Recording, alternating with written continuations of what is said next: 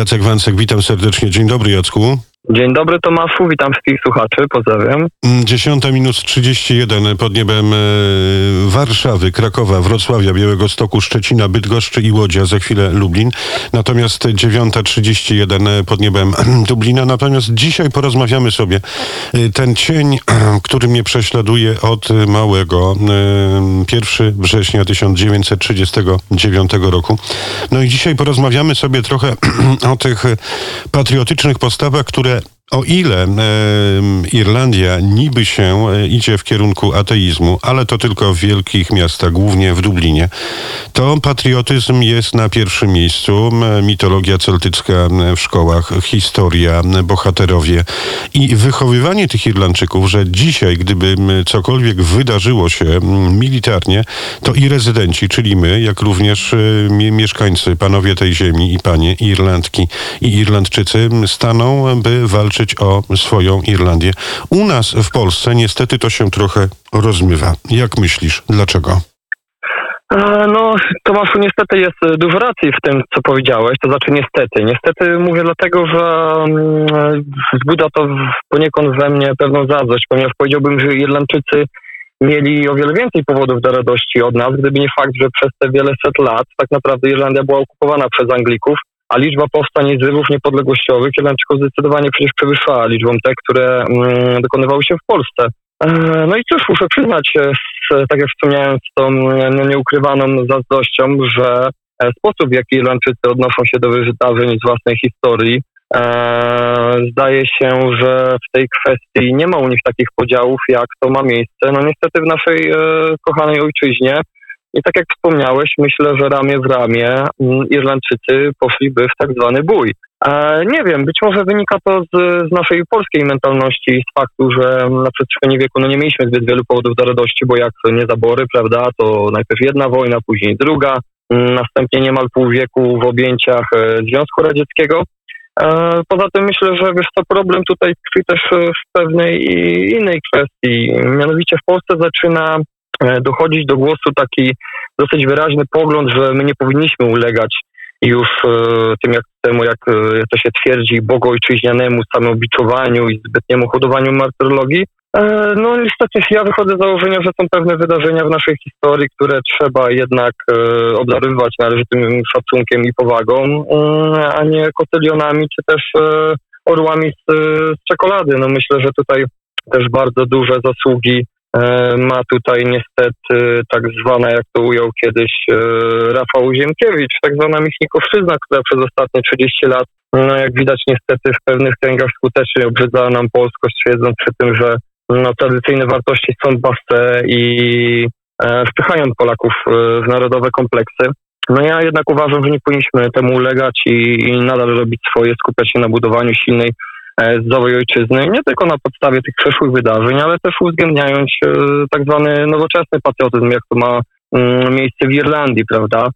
E, ten modernizm jednak, mimo że tutaj jest dosyć mocno postępujący, prawda, i e, jest to mm, zauważalne, no to jednak Irlandczycy pamiętają też o wydarzeniach z przeszłości i nie ma tak. tutaj takich podziałów jak, jak w naszym kraju. Jacku, ja często powtarzam, Jacek Wancek, panie i panowie, historyk, działacz polonijny, współtwórca Studia 37 Radia Wnet w Republice Irlandii, ale również człowiek, który edukuje polskie dzieci pod niebem Irlandii. Od czasu do czasu jego artykuły i teksty można czytać w miesięczniku Wnet.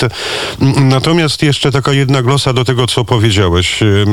Kiedyś moi znajomi dziennikarze z opcji nieco innej, bo bardziej lewicowo, tej wyzwolonej w cudzysłowie jak mawiam, mówili, że co co, co tu się dzieje w tej waszej Irlandii, że tyle osób chodzi dzisiaj z flagami? Więc ja znasz moją złośliwość. Ja powiedziałem, zobaczcie, ile w Irlandii jest faszystów, bo chodzą z flagami mm, irlandzkimi i dopowiedziałem, jeżeli powiedzielibyście do tych y, pań, nawet starszych Irlandek chodzących z flagami, czy do młodych y, dżentelmenów w wieku 15-17 lat, że to są zachowania faszystowskie i tak nie należy robić, no bo doskonale wiesz, to są takie kalki a propos tego, co dzieje się, a propos naszych wielkich świąt państwowych, to powiedziałem, słuchajcie, panowie, bylibyście wklepani w chodnik tej irlandzkiej ulicy, ponieważ dla Irlandczyków ich flaga i barwy są święte. No dokładnie, no niestety jak widać, e, co wolno, co wolno Irlandczykom, no to nie nam z tego, z tego co, co mówisz. No i niestety tutaj masz poniekąd rację, ponieważ e, w Polsce, tak jak powiedziałem już, mm, te wartości patriotyczne no niestety są postrzegane jako takie niemodne, wpaja się nam pewien kompleks taki Polaka i, i powinniśmy, mówi nam się, że powinniśmy dążyć e, do tego, co, co ma miejsce na zachodzie, zachodzie Europy, ale ten przykład, o którym teraz powiedziałeś, jest właśnie takim idealnym przykładem do tego, że powinniśmy dążyć do tego samego i że u nas powinno być podobnie i nikogo to nie powinno dziwić, prawda? No, oczywiście. Poza tym przypomnę, że był to e, mecz, finał meczu w hurlingu, gdzie oczywiście barwy klubowe i barwy miasta, ale przede wszystkim te nasze e, oran, oranżowe, pomarańczowo-biało-zielone flagi. Natomiast, y, drogi Jacku, teraz jedna glossa do rocznicy. Radio Wnet. Więcej niż radio. Do rocznicy wybuchu II wojny y, światowej. Irlandczycy wciąż myślą o tej wielkiej Irlandii, tak, która została podzielona po y, wojnie i domowej, i wojnie z Brytyjczykami. No w tym roku będziemy przeżywać faktyczną setną rocznicę e, istnienia Republiki Irlandii, grudzień roku pańskiego 1921. Natomiast ja odbiegnę y, w kierunku Gdańska, albowiem, jak wiesz, są takie grona, są takie fora, to jeszcze dzieje się od czasów, gdy prezydentem miasta Gdańska był pan świętej pamięci Paweł Adamowicz, że są salony, że są miejsca, że są koła towarzyskie i to ludzie znaczący i w kulturze, i gdy mowa o prawnikach, gdy mowa o ludziach pióra, którym jawi się, marzy się restytucja i możliwość odtworzenia wolnego miasta Gdańska i jakiejś tam secesji od Rzeczy Pospolitej. Dla mnie osobiście jest to jedna wielka granda, to po pierwsze, ponieważ wolne miasto Gdańsk, e, które powstało 15 listopada 1920 roku, m, było wykonaniem postanowień traktatu m, pokojowego, gdzie określono wolne miasto Gdańsk. Natomiast y, odnosząc się do restytucji, no to m, ci ludzie, którzy myślą o wolnym mieście Gdańsku, no to chyba myślą totalnie o niemieckości tego miasta, bo doskonale wiemy, przynajmniej my uczący się historii, jak to mm, wolne miasto Gdańsk wyglądało i ile tam Polacy mieli do powiedzenia w, w liczbie śladowej. E, Dokładnie, zgadza się Tomaszu. E, Tak jak powiedziałeś, w tym roku obchodziliśmy 82. już e, rocznicę wybuchu tej niewyobrażalnej wręcz w dziejach hekatomby, jaką była II wojna światowa. I przy tej okazji należałoby właśnie zadać pytanie, co my tak naprawdę jako Polacy o tym wydarzeniu wiemy i czy właściwie pielęgnujemy pamięć o nim, bo zdaje się, że z biegiem lat nasz stosunek do II wojny światowej ulega pewnej postępującej, nazwałbym to mm, trywializacji i zubożeniu wartości. A przecież jak wiadomo, była to zaplanowana i konsekwentnie realizowana zagłada polskiej ludności i państwowości. E, zapominamy o tym. Mm, Samo wyobrażenie na temat tego, co działo się w latach 39-45 jest dalekie od prawdy, a niekiedy wręcz e, no, mija się z faktami historycznymi, prawda? E, niestety myślę, że jest to w dużej mierze konsekwencją tego, że no, siłą rzeczy naoczni świadkowie odchodzą, lata lecą, przez to pamięć o wojnie rozmywa nam się we mgle historii, a sprzyja to powolnej konsekwentnej relatywizacji historii. No i wychodzą później nam takie kwiatki, prawda, jak polskie obozy koncentracyjne, czy ekranizacje typu Nasze Matki, Nasi Ojcowie. E, dlatego też ja uważam, że trzeba cały czas podkreślać przy każdej okazji i dlatego korzystam z tej okazji też teraz podczas rozmowy z Tobą, żeby powiedzieć, że napaść hitlerowskich Niemiec i związane z nią założenia Generalnego Planu Wschodniego miały na miejscu miały na celu e, biologiczne wyniszczenie narodu polskiego i całkowitą likwidację polskiej państwowości. Także pamiętajmy o tym. Nie bójmy E, się natomiast- mówić też, Jacku, dopowiadam o polskim Holokauście, tak? Polski Oczywiście, jak Holokaust, o którym się w ogóle nie mówi. Zgadza się, podpisuję się pod tym w 100%. Natomiast jeżeli chodzi o Gdańsk, o którym e, wspomniałeś, no to nie sposób e, nie mówić o nim w kontekście rozmowy o II wojnie światowej. To on był przecież zarzewiem konfliktu na linii Warszawa-Berlin i bezpośrednią przyczyną tejże wojny.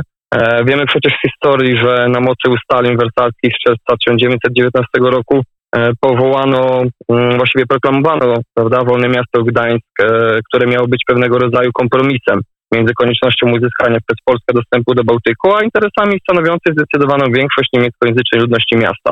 No ale jak to w przypadku kompromisów bywa, żadna ze stron nie była z niego zadowolona. E, władze Republiki Weimarskiej, a następnie III Rzeszy nigdy przecież nie pogodziły się z utratą ziem, które przed 1918 rokiem znajdowały się e, pod zaborem pruskim, tak samo jak e, nigdy nie pogodzili się z utworzeniem wolnego miasta.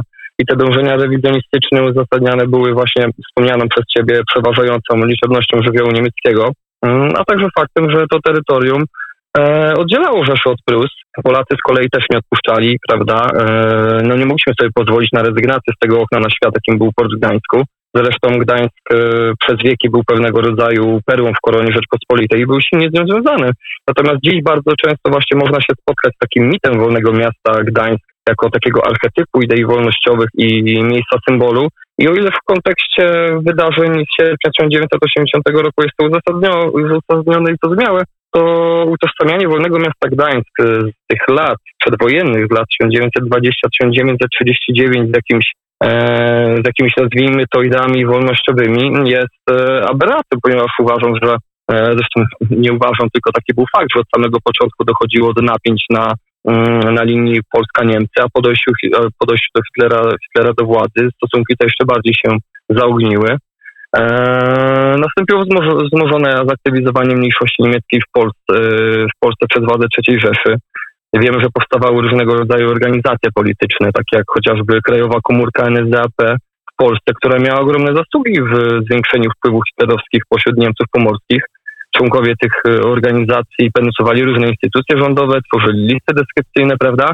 Także to nie jest tak, że nagle 1 września do Gdańska wpłynął pancernik Friedrich Holstein, ostrzelał polską składnicę tranzytową na Westerplatte i już wojna gotowa, prawda? Tak.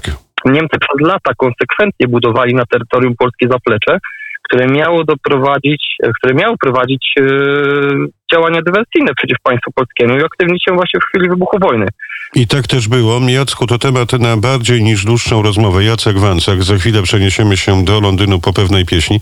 Natomiast na koniec jeszcze jedna smutna glosa. To nie żołnierze Wehrmachtu ani SS rozstrzeliwali bohaterów Poczty Polskiej, tylko mm, rozstrzelali ich gdańszczanie właśnie mm, z tych mm, mundurowych służb e, I członkowie zempustu tak zwanego. Dokładnie. E, Tomaszu, pozwól, pozwól tylko, że bo naprawdę nie chciałbym, nie chciałbym e, pominąć tego, a myślę, że też dosyć ważnym jest odnotowanie tego faktu, że dokładnie wczoraj, 2 września, e, mieliśmy rocznicę mm, powstania obozu w Sztutowie, e, który tak naprawdę funkcjonował najdłużej, jeżeli chodzi o wszystkie obozy, które znajdowały się na, na terenach e, Polski.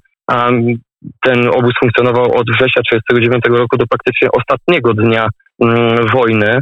E, no i tylko jeszcze pokrótce chciałbym powiedzieć, ponieważ Pomorze jest bardzo bliskie mojemu sercu z, z tego tytułu, że spędziłem tam kilka pięknych lat swojego życia, mm, to chciałem się odwdzięczyć i naprawdę muszę podkreślić, że Pomorze bardzo wycierpiało w okresie całej e, niemieckiej okupacji. E, mało znanym faktem jest też tak zwany mm, mały Katyń, czyli mord w lasach pieśnickich, gdzie pomiędzy październikiem 1939 roku a początkiem kwietnia 1940 roku w ramach akcji inteligencji wymordowano od 12 do 14 tysięcy ludzi. Także e, po Sztutowie było to największe miejsce kaźni na Pomorzu i no, myślę, że powinniśmy o tym e, pamiętać i przy każdej okazji e, przypominać. I dzisiaj pozostaje nam tylko mm, postawić pytanie, czy warto było umierać za Gdańsk i myślę, że tutaj część słuchaczy się oburzy i powie, że zdecydowanie tak, jednak w kontekście tego, że Gdańsk był tak jak już sobie powiedzieliśmy, przed wojną zdominowany przez hitlerowców, każe nam zastanowić się jednak, czy nie warto było tej kwestii Gdańska odpuścić i poczekać e, na dalszy rozwój wydarzeń i ruch aliantów. No stało się jak się stało, e, jednak niech sprawa Gdańska będzie dla nas e, przestrogą, podobnie zresztą jak słowa Józefa Beka, który grzmiał w Sejmie 1939 roku w maju, prawda, mówiąc, że jest to jedyna rzecz w życiu ludzi, narodów i państw, która jest rzeczą bezcenną, a tą rzeczą jest honor. No ja natomiast pozwolę się z tym nie zgodzić, gdyż uważam, że najcenniejszą rzeczą powinno być bezpieczeństwo i przetrwanie tego narodu, a honor dyplomacji jest rzeczą ważną, lecz y, myślę, że nie jest najważniejszą wartością. I nawet nie przyjaciele, którzy zdradzają tylko żywotne interesy, jak to mawiał zawsze kto? Winston Churchill. Jacek Wancek, moim Państwa gościem, historyk, działacz polonijny, publicysta, publikujący w miesięczniku Kurier Wnet i Opoka Fundamenty Studia 37. Dziękuję pięknie, Jacku. Dziękuję pięknie, kłaniam się Tomaszu, pozdrawiam.